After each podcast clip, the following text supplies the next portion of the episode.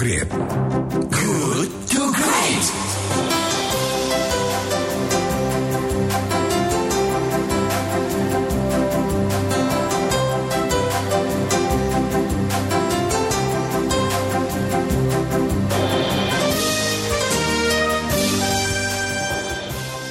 Diskusi Kelight FM masih bersama Anda pagi ini dari Kelight 107,1 FM Bandung Inspiring Sound dan kita masih membahas topik kita pagi ini bersama melawan corona.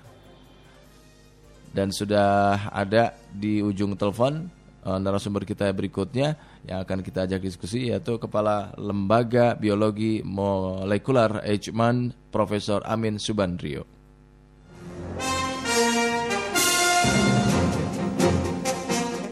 Halo Prof. Amin. Selamat pagi. Selamat pagi Prof. Prof, sekarang ini kita sedang menghadapi virus corona ya Prof ya.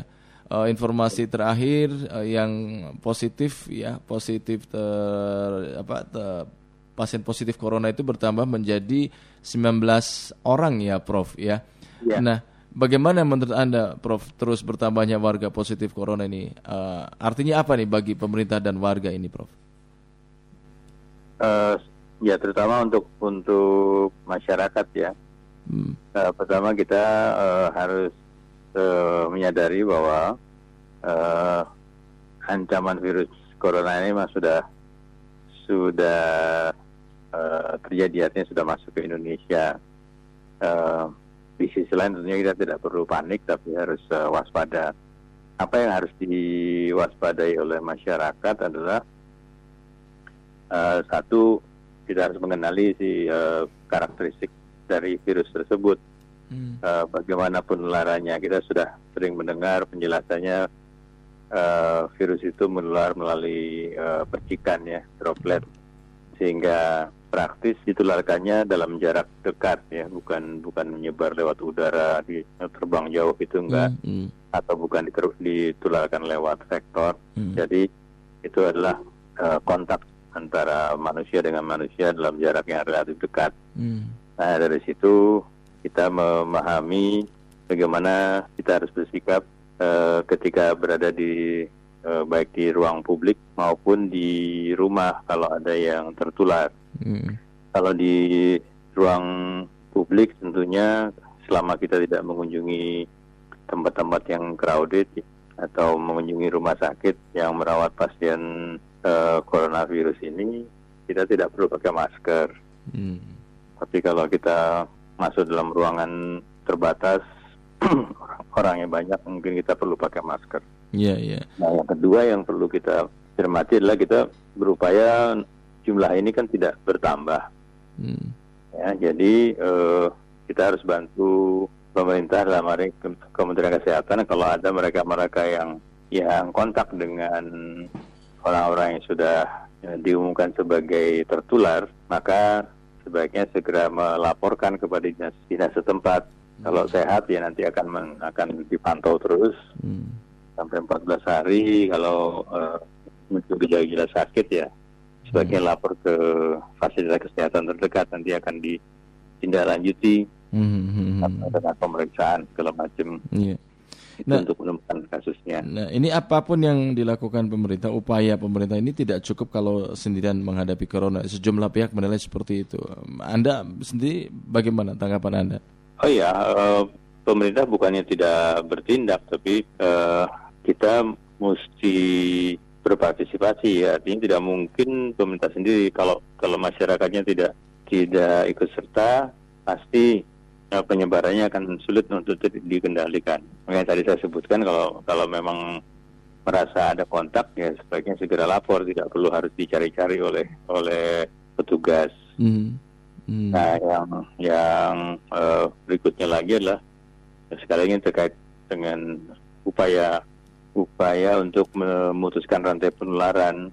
Hmm. Ya, eh, penularan itu akan menjadi cepat kalau eh, virus itu mengenai seseorang yang rentan atau sensitif, peka. Jadi kalau orang kena virus kemudian sakit, nah dia akan akan bisa jadi sumber penularan bagi orang lain. Hmm. Tapi kalau eh, kita dalam keadaan sehat, kekebalannya tubuh bagus, maka walaupun kena virus, hmm. insya Allah kita tidak sakit, atau kalau sakit pun hanya ringan. Hmm. Sehingga dalam keadaan itu uh, kesempatan untuk menjadi sumber penularan itu lebih kecil. Hmm. Hmm. Nah ini yang perlu disadari oleh masyarakat. Kita masing-masing harus menjaga jangan sampai kita menjadi sumber penularan. Yeah. Yeah. Ya untuk itu kita jaga jangan sampai tertular juga. Hmm. Nah tadi upaya dalam upaya untuk memutus rantai uh, penyebaran virus ini yang dilakukan oleh pemerintah, Anda melihatnya bagaimana Pak? Sudah sejauh mana upaya yang dilakukan oleh pemerintah? Masih iya, masih melihat uh, ego sektoral tidak dalam penanggulangan penanggulangannya gitu? Uh, ya di negara mana pun itu ego sektoral itu ada itu sebetulnya munculnya kan uh, dari rasa tanggung jawab yang besar hmm. uh, bahwa ini adalah tanggung jawab dari sektor saya atau kementerian saya atau kantor saya ya uh, sehingga mereka ingin supaya bisa mengatasi itu tapi uh, harus diakui bahwa uh, ketika ini, ini terjadi di mana pun ketika kita ingin me mencari suatu masalah mungkin kita harus bersinggungan dengan sektor-sektor lain atau orang-orang lain. Iya, yeah. Yeah. Jadi itu itu tetap ada. Tapi yang kita lakukan kita lihat sekarang uh, kenapa jumlah kasusnya meningkat? Hmm. Itu antara lain karena kasusnya itu ditemukan oleh uh, petugas. Yeah. Ya, jadi uh, ada setidaknya ada lima atau enam kasus itu yang ditemukan itu uh, punya hubungan dengan kasus yang pertama dan kedua dan itu dicari hmm. dicari oleh oleh uh, petugas kesehatan. Hmm. Iya iya. Prof, ini sebagai edukasi publik ya, Prof. Bisa nggak virus ya, ini bermutasi? Karena berkaca pada kasus-kasus uh, yang belakangan terjadi di negara-negara di luar Wuhan, Cina ya, mereka itu yang positif corona ada yang sifatnya apa ya kalau nggak salah asimptomatis ya atau tanpa gejala ya. Ada juga kecenderungan masa inkubasinya lebih lama, lebih dari 14 hari gitu, Prof. Gimana, Prof? Uh, itu sebenarnya kita tidak perlu mempermasalahkan dia mutasi atau tidak. Hmm. Yang penting kita memahami bahwa tidak semua orang yang terpapar itu akan tertular. Hmm. Tidak semua orang yang tertular itu akan sakit. Hmm. Tidak semua orang yang sakit itu akan menjadi berat dan tidak semua yang berat itu akan meninggal. Jadi hmm. dari situ kita bisa melihat sebenarnya masyarakat itu harus memiliki uh, herd immunity namanya atau kekebalan kelompok sehingga ketika tertular mudah-mudahan tidak sakit. Hmm. Karena kita lihat di negara Cina pun yang yang menjadi negara epicenter uh, sekian puluh ribu yang sakit, tapi sekian juta yang lainnya kan tidak sakit. Iya. Yeah, Ya kan. Nah mereka uh, pasti sedikit banyak akan terpapar, tapi tidak sakit atau kalau sakitnya hanya ringan. Hmm. Nah itu mereka yang sudah memiliki uh, herd immunity atau atau kekebalan kelompok tadi. Hmm. Nah mereka-mereka yang di satu sisi memang karena uh, tidak sakit atau sakitnya ringan, tidak merasa harus uh, berobat ke dokter. Padahal hmm. mungkin mereka uh, membawa virusnya, hmm. Hmm. Ya, uh, hingga mereka bisa pergi ke mana-mana gitu ya, hmm. uh, keluar provinsi atau keluar kota, keluar negeri. Yeah. Tapi di sisi lain, uh, mereka juga uh, berperan sebagai uh, benteng artinya mereka tidak menularkan lagi ke orang lain. Yeah. Yeah. Nah kalau jumlah orang yang kebal itu semakin banyak, hmm. maka semakin lama virus itu akan semakin terbatasi. Dia dia menular ke orang lain, tapi orang lain tidak menular ke orang lain lagi. Hmm. Nah dengan demikian lama-lama rantai penularan itu akan dipersempit, persempit, akhirnya bisa dihilangkan. Hmm. Yang terakhir Prof, ini sebagai edukasi untuk kita semua apa yang harus dilakukan oleh uh, warga, oleh masyarakat agar tidak tadi tertular, Prof? Um, yang harus kita lakukan secara sederhana sih dua hal ya. Yeah. Uh, kita melaksanakan germas saja Mhm.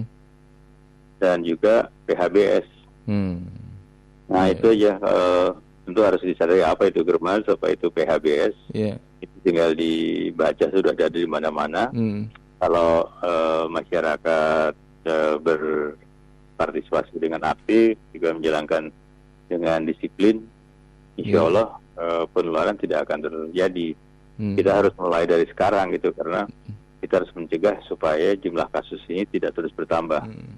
Jadi Iya. kalau kalau penyebarannya tidak di stop, itu eh, akan menjadi tambah susah Hmm. dan itu tidak mungkin eh, virusnya dikejar terus oleh petugas kan karena sering kali tidak kelihatan tapi justru di masyarakat itu yang harus eh, eh, berperan aktif untuk memutuskan rantai penularan misalnya Hmm. rajin cuci tangan kemudian eh, ya jaga kebersihan jaga, jaga kesehatan tubuhnya sendiri Bagaimana menjalankan pola hidup bersih sehat ya gerakan masyarakat sehat itu menjadi penting itu peran dari masyarakat yang harus dilakukan gitu ya Prof ya. Iya, itu yang yang penting pola hidup bersih dan sehat dan juga eh, ya itu mengikuti gerakan masyarakat sehat. Baik, baik. Prof, Amin terima kasih atas waktunya Prof dan ini uh, insya Allah berguna untuk kami semua yang mendengarkan pagi ini. Yang Selamat terima pagi, sukses untuk Anda. Selamat pagi. Iya. Demikian sahabat kalian Kepala Lembaga Biologi Molekular Ejman Profesor Amin Subandrio.